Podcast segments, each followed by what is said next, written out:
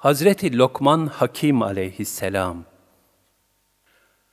Hikmetli nasihatleriyle destanlaşan, zahiri ve batıni hekimlerin piri, Hazreti Lokman Hakim aleyhisselam.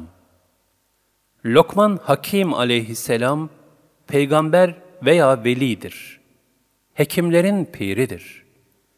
Kendisinin hikmet verilenlerden olduğu Kur'an-ı Kerim'de kendi adıyla anılan Lokman suresinde şöyle bildirilmektedir. Andolsun ki biz Lokman'a, Allah'a şükret diyerek hikmet verdik. Şükreden ancak kendisi için şükretmiş olur. Nankörlük eden de bilsin ki Allah hiçbir şeye muhtaç değildir. Her türlü hamde layıktır. Lokman 12 Şükür, kulun ihsan edilen nimetlere karşı sevinci, Rabbine karşı çeşitli söz ve davranışlarla teşekkür etmesidir. Şükür nimeti bilmenin ismidir. Bu manadan dolayı İslam ve imana şükür ismi de verilmiştir. Lokman Hakim'in nesebi hakkındaki rivayetler, Eyyub aleyhisselamla akraba olduğu yönündedir. İslam alimlerinin ekseriyeti onun peygamber değil, hikmet sahibi bir zat olduğu kanaatindedirler. Hikmetin bir manası da nazari ilimleri elde ettikten sonra kazanılan ruhi kemalat sayesinde söz ve davranışlarda isabet melekesidir. Allah Teala buyurur. Allah hikmeti dilediğine verir. Kime hikmet verilmişse ona pek çok hayır verilmiş demektir. Ancak akıl sahipleri düşünüp ibret alırlar. El-Bakara 269 Hikmet, eşyanın hakikatini ve esrarını idrak edebilmektir. Bu da kalpte nuru ilahinin tecellisiyle mümkündür. Zemahşeri, Lokman Hakim'in hikmetine misal olarak şu hadiseyi nakleder. Bir gün Davut aleyhisselam, Lokman Hakim'den bir koyun kesip, en iyi yerinden iki parça getirmesini istedi. Lokman Hakim de ona kestiği hayvanın dilini ve yüreğini getirdi.'' Aradan birkaç gün geçtikten sonra Davut aleyhisselam bu defa hayvanın en kötü yerinden iki parça et getirmesini talep etti. Lokman Hakim yine koyunun dil ve yüreğini getirdi. Hazreti Davud ona bunun sebebini sorunca da şöyle dedi. Bu ikisi iyi olursa bunlardan daha iyisi. Kötü olursa bunlardan daha kötüsü olmaz.'' Abdullah İbni Ömer radıyallahu anhuma'dan rivayet edilen bir hadis-i şerifte şöyle buyurulur. Lokman, peygamber olmayıp ibadet eden bir kuldu. Allah Teala onu günahlardan korudu. Çok tefekkür ederdi. İmanı kuvvetliydi. Allah Teala'yı sever, Allah Teala da onu severdi. Allah Teala ona hikmet ihsan eyledi. İmam Malik anlatıyor. Bana ulaştığına göre Lokman Hakim'e, sende gördüğümüz bu meziyetin mahiyeti nedir diye sormuşlardı. Bununla onun faziletlerini kastetmişlerdi. Şu cevabı verdi. Doğru sözlülük, emaneti yerine getirmek, beni ilgilendirmeyen şeyi terk etmek ve ahde vefa göstermek.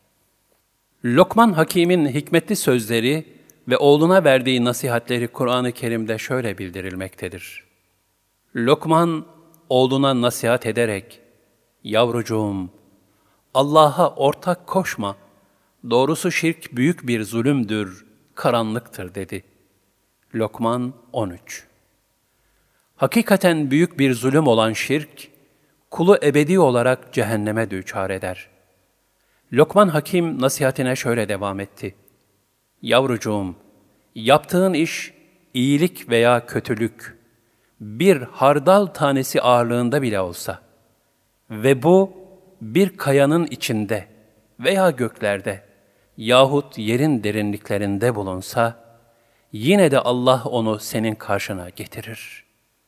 Doğrusu Allah en ince işleri görüp bilmektedir ve her şeyden haberdardır. Lokman 16 Benzer bir ayeti kerimede de şöyle buyurulur. Kim zerre miktarı hayır yapmışsa onu görür. Kim de zerre miktarı şer işlemişse onu görür. Ez-Zilzal 7-8 Lokman Hakim nasihatlerinin devamında şöyle buyurdu. Yavrucuğum, namazını dosdoğru kıl. İyiliği emret, kötülükten vazgeçirmeye çalış. Başına gelenlere sabret. Doğrusu bunlar azmedilmesi icap eden, büyük bir azim ve kararlılık gerektiren işlerdir. Lokman 17 Ayet-i kerimede namaz, emri bil maruf, nehy anil münker ve sabra dikkat çekilmektedir. Namaz müminin miracıdır. Kulluk vazifesinin en mühimlerindendir. Düşmanla muharebe esnasında dahi terk edilmez. Allah Celle Celaluhu kendisine secde edenleri, onların yüzlerinde secde alameti vardır diye müjdeler. Diğer bir ayeti kerimede de secde et ve yaklaş buyurur. Hz. Ayşe radıyallahu anha buyurur. Resulullah sallallahu aleyhi ve sellem namaza durduğu zaman yüreğinden kazan kaynaması gibi ses duyulurdu. Ezan okunduğu zaman Allah'ın huzuruna çıkacağı için etrafındakileri tanımaz hale gelirdi. Emri bil maruf ve nehy anil münker de bir müminin en mühim vazifelerindendir. Cenab-ı Hakk'ın kendisine lütfettiği, başta iman ve hidayet olmak üzere bütün nimetleri başkalarına taşıyarak bir şükür vazifesi ifa etmektir. Allah Teala Hazreti Peygamber sallallahu aleyhi ve sellemin şahsında bu tebliğin metodunu şöyle bildirmektedir. O vakit Allah'tan bir rahmetle onlara yumuşak davrandın. Şayet sen kaba ve katı yürekli olsaydın, hiç şüphesiz etrafından dağılıp giderlerdi. Şu halde onları affet, bağışlanmaları için dua et, iş hakkında onlarla istişare et, kararını verdiğin zaman da artık Allah'a tevekkül et. Çünkü Allah kendisine tevekkül edenleri sever. Ali İmran 159 Cenab-ı Hak yine emri bil marufun metodu ile ilgili olarak bir başka ayeti kerimede de şöyle buyurur. Resulüm sen Rabbinin yoluna hikmet ve güzel öğütle çağır. En-Nahl 125 Sabra gelince, Kur'an-ı Kerim'de o en çok üzerinde durulan mevzulardandır. Sabrın dünyevi tarafı çok acı, lakin ahiret tarafı yani mükafatı çok tatlıdır. Bütün peygamberler sabır süzgecinden geçmişlerdir. Cenab-ı Hak ayeti kerimede, Ey Resulüm! Sabredenleri müjdele. El-Bakara 155 buyurmaktadır. Abdullah bin Mugaffel radıyallahu anh anlatıyor. Bir kimse gelerek, Ey Allah'ın Resulü! Ben seni seviyorum dedi. Resulullah sallallahu aleyhi ve sellem, ne söylediğine dikkat et buyurdu. O kimse, vallahi ben seni seviyorum deyip bunu üç kere tekrar etti. Resulullah sallallahu aleyhi ve sellem bunun üzerine o şahsa, eğer beni seviyorsan, fakirlik için kendine bir zırh hazırla. Çünkü beni sevene fakirlik, hedefine koşan selden daha süratli gelir buyurdu. Resul-i Ekrem sallallahu aleyhi ve sellem Efendimiz bu sözleriyle adeta, madem ki beni Allah için seviyorsun, o halde belalara, musibetlere, sıkıntılara katlanmaya hazır ve razı ol. Zira sevilene tabi olmak, muhabbetin şartındandır buyurmuş oluyordu. Kur'an-ı Kerim'de Lokman Hakim'in nasihatleri şöyle devam etmektedir. Küçümseyerek insanlardan yüz çevirme ve yeryüzünde böbürlenerek yürüme. Zira Allah kendini beğenmiş, övünüp duran kimseleri asla sevmez. Lokman 18 Böbürlenmek, yani gurur, kibir ve ucup, kendini beğenme, kökü cehennemde olan huylardır. Kibriya sıfatı Hak Teâlâ'ya mahsustur. Nitekim iblisin cennetten kovularak Allah'ın kullarını dalalete sevk etmeye memur olmasının sebebi, Hazreti Adem'e karşı gururlanıp Rabbine karşı gelmesidir. Karun da kendisine manevi ilimler verilmesine rağmen Hazreti Harun'u kıskanıp haset etmesi sebebiyle helake düçar olmuştur. Yine Hazreti Lokman oğluna demiştir ki, Yürüyüşünde mutedil ol. Ne çok hızlı ne de yavaş yürü. Sükunet ve vakarını muhafaza et. Sesini alçalt. Bağırıp çağırarak konuşma. Unutma ki seslerin en çirkini merkep sesidir. Lokman 19 Bu ayet-i kerimeler müminlere nezaket ve zarafet talim etmektedir. Nezaketsizliği temsil eden eşek sesi, tizden başlayarak pese doğru gider. Bu lüzumsuz yere ve aşırı bir şekilde yükselen, nahoş ve çirkin bir sestir. Bu tarz bir hitap edişte, nezaket kaidelerine uymaz. Ayet-i kerimede Cenab-ı Hak, bu vesileyle kullarını nezaketle hitap etmeye davet etmektedir. Yani lüzumsuz yere yüksek sesle konuşan, eşeğe benzemiş ve çirkin bir iş yapmış olur. Hasan-ı Basri Hazretleri şöyle buyurur. Müşrikler seslerinin yüksekliğiyle övünürlerdi. Yüce Allah onlara, eğer sesin yüksekliği hayırlı bir şey olsaydı, bununla eşeği onlardan üstün kılardım diye cevap buyurdu. Rivayetlerde bu dünyada çok hafif ve ehemmiyetsiz gibi görünen nezaketin, hesap gününde çok ehemmiyet kazanacağı bildirilmektedir. Bu yüzden bilhassa sorumsuzca söz söylemekten sakınılmalı, söylenen sözlerin manasının nereye çıkacağı iyi hesap edilmelidir. Nitekim hadis-i şeriflerde buyurulur, Kul iyice düşünüp taşınmadan bir söz söyleyiverir de, bu yüzden cehennemin doğu ile batı arasından daha uzak bir yerine düşer. Kul, Allah'ın hoşnut olduğu bir söz söyler, fakat onunla Allah'ın rızasını kazanacağı hiç aklına gelmez. Halbuki Allah, o söz sebebiyle, kendisine kavuştuğu kıyamet gününe kadar o kimseden hoşnut olur.'' Yine bir kul da Allah'ın gazabını gerektiren bir söz söyler, fakat o sözün kendisini Allah'ın gazabına çarptıracağını düşünmez. Oysa Allah o kimseye o kötü söz sebebiyle kendisine kavuşacağı kıyamet gününe kadar gazap eder. Yukarıda Lokman Hakim'in nasihatlerini ihtiva eden ayet-i kerimelerin arasında iki ayet-i kerime vardır ki, bunlar ümmete gösterdiği istikamet açısından pek mühimdir. Rivayete göre Sa'd ibn Ebi Vakkas radıyallahu anh ile validesi hakkında nazil olmuştur. Şöyle ki, Hz. Sa'd radıyallahu an annesine karşı itaatkar bir evlattı. İslam'a girdiği zaman annesi, Ey Sa'd, sen ne yaptın? Eğer sen bu yeni dini bırakmazsan, yemin olsun ki ben yemem içmem nihayet ölürüm. Sen de benim yüzümden hey anasının katili diye kötü bir isimle çağrılırsın demişti. O da yapma anneciğim, ben bu dini hiçbir şey için terk edemem deyince anası da iki gün iki gece yememiş, kuvvetten düşmüştü. Bunu gören Hazreti Saad, anneciğim, vallahi yüz canın olsa da, hepsi birer birer çıksa, ben bu dini hiçbir şey için terk edemem, bilesin. Artık dilersen ye, dilersen yeme dedi. Bunun üzerine annesi yemeye başladı ve şu iki ayet veya ikinci ayet nazil oldu. Biz insana, ana babasına iyi davranmasını tavsiye etmişizdir. Çünkü anası onu nice sıkıntılara katlanarak taşımıştır. Sütten ayrılması da iki yıl içinde olur. İşte bunun için önce bana, sonra da ana babana şükret diye tavsiyede bulunmuşuzdur. Dönüş ancak banadır.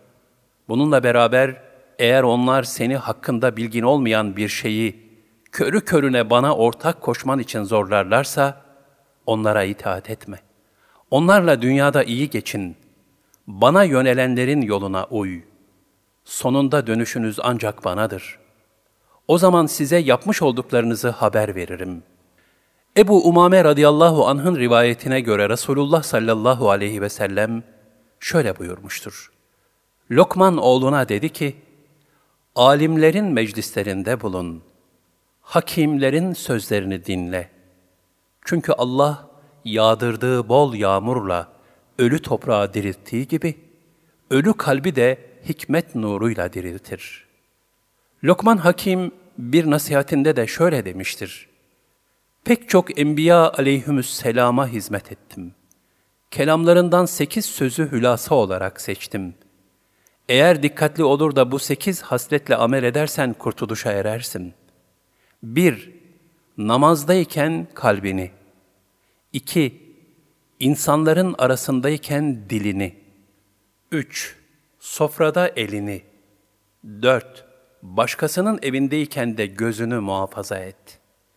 Diğer dört hasletin de ikisi daima hatırlanması, ikisi ise unutulması icap eden şeylerdendir. Her ahvalde hatırlayacağın iki husustan birincisi Allah Teala'dır ki onu çokça zikret. İkincisi ise ölümdür ki onu da hiç unutma. Unutacağın iki şeyden biri başkasına yapmış olduğun iyilikler, diğeri de başkalarının sana yapmış olduğu kötülüklerdir ki bunları hemen unut. Lokman Hakim'in muteber kitaplarda nakledilen nasihatlerinden bazıları da şöyledir. Ey oğlum! Takvayı kendin için ahiret sermayesi edin. Çünkü takva, mal ve mülkle olmayan bir ticarettir. Ey oğlum! Cenazede hazır bulun. Çünkü cenaze sana ahireti hatırlatır. Haram ve günahlarsa senin dünyaya karşı meyleni artırır. Ey oğlum! Yalan söyleyen kimsenin nuru gider. Kötü huylu kimsenin gam ve kederi çoğalır. Ey oğlum! Anlayışsız kimseye bir meseleyi anlatmak, ağır bir kayayı yerinden oynatmaktan daha zordur. Ey oğlum! Cahili bir yere elçi olarak gönderme. Eğer akıllı ve hikmet sahibi birini bulamazsan, kendin git. Ey oğlum! Dünya derin bir deniz gibidir. Çoğu insan orada boğulmuştur. Takva gemin, iman yükün, tevekkül halin, salih amel azığın olsun. Kurtulursan Allah Teala'nın rahmetiyle, boğulursan günahın sebebiyledir. Ey oğlum, horoz senden daha akıllı olmasın. O her sabah zikir ve tesbih ediyor. Sense uyuyorsun. Mide dolarsa tefekkür uykuya dalar. Azalar da ibadetten geri kalır. Ey oğlum, öyle arkadaş seç ki, ayrıldığınız zaman ne sen onları ne de onlar seni dillerine dolasınlar. Dostlarını koru, yakınlarını ziyaret et. Ey oğlum, üç şey üç şeyle bilinir. Hilim, gazap anında. Şecaat, harp meydanında. Kardeşlikse ihtiyaç anında. Günahlar dışında arkadaşlarına muvaffakat eyle. Ey oğlum, insanlar her gün ibadet ve taati ihmal ettikleri halde nasıl olur da vaad olundukları azaptan korkmazlar? Ey oğlum, Dünyadan yetecek kadar al, ona kapılma. Aksi halde bu ahiretine zarar verir. Dünyadan tamamen de el etek çekme. Yoksa insanlara yük olursun. Oruç tut. Bu şehvetini kırar. Ancak seni namazdan alıkoyacak kadar da çok oruç tutma. Çünkü Allah katında namaz oruçtan daha büyüktür. Ey oğlum, iyiliği ondan anlayana yap. Nitekim koçla kurt arasında dostluk olmadığı gibi, iyi ile kötü arasında da dostluk olmaz. Çekişmeyi seven hakarete uğrar. Kötülük olan yerlere giden töhmet altında kalır. Kötülüğe yaklaşan kendini kurtaramaz ve dilini tutmayan pişman olur. İyilerin hizmetinde bulun. Fakat kötülerle dostluk kurma. Ey oğlum! Emin bir kimse ol ki zengin olasın. Kalbin günah lekeleriyle dolu olduğu halde insanlara Allah'tan korkuyormuş gibi görünme. Kendini unutup da insanlara iyiliği emretme. Yoksa senin durumun insanlara ışık verdiği halde kendisi yanarak tükenen muma benzer. Ey oğlum, küçükken edepli olursan, büyüdüğünde faydasını görürsün. Küçük işleri umursamazlık etme.'' Çünkü küçük yarın büyüğe dönüşür. Ey oğlum, gönlünü kederlerle ve üzüntülerle meşgul etme. Aç gözlülükten sakın. Takdire rıza göster. Allah tarafından sana verilene kanaat et ki hayatın güzelleşsin, gönlün sürurla dolsun ve hayattan zevk alasın. Ey oğlum, dünya hayatı kısadır. Senin oradaki ömrünse daha da kısadır. Bu kısa ömrün de az bir kısmı kalmıştır. Resul-i Ekrem sallallahu aleyhi ve sellem, Lokman Hakim'den haber vererek şöyle buyurdu. Lokman oğluna, Allah Teala kendisine emanet edilen şeyi korur. Ben de seni, malını, dinini ve amelinin sonunu Allah Teala'ya emanet ediyorum dedi. Rivayete göre Lokman Hakim'in yüzük taşında gördüğünü gizlemen, şüphe ettiğini açıklamandan daha güzeldir yazılıydı. Aleyhisselam.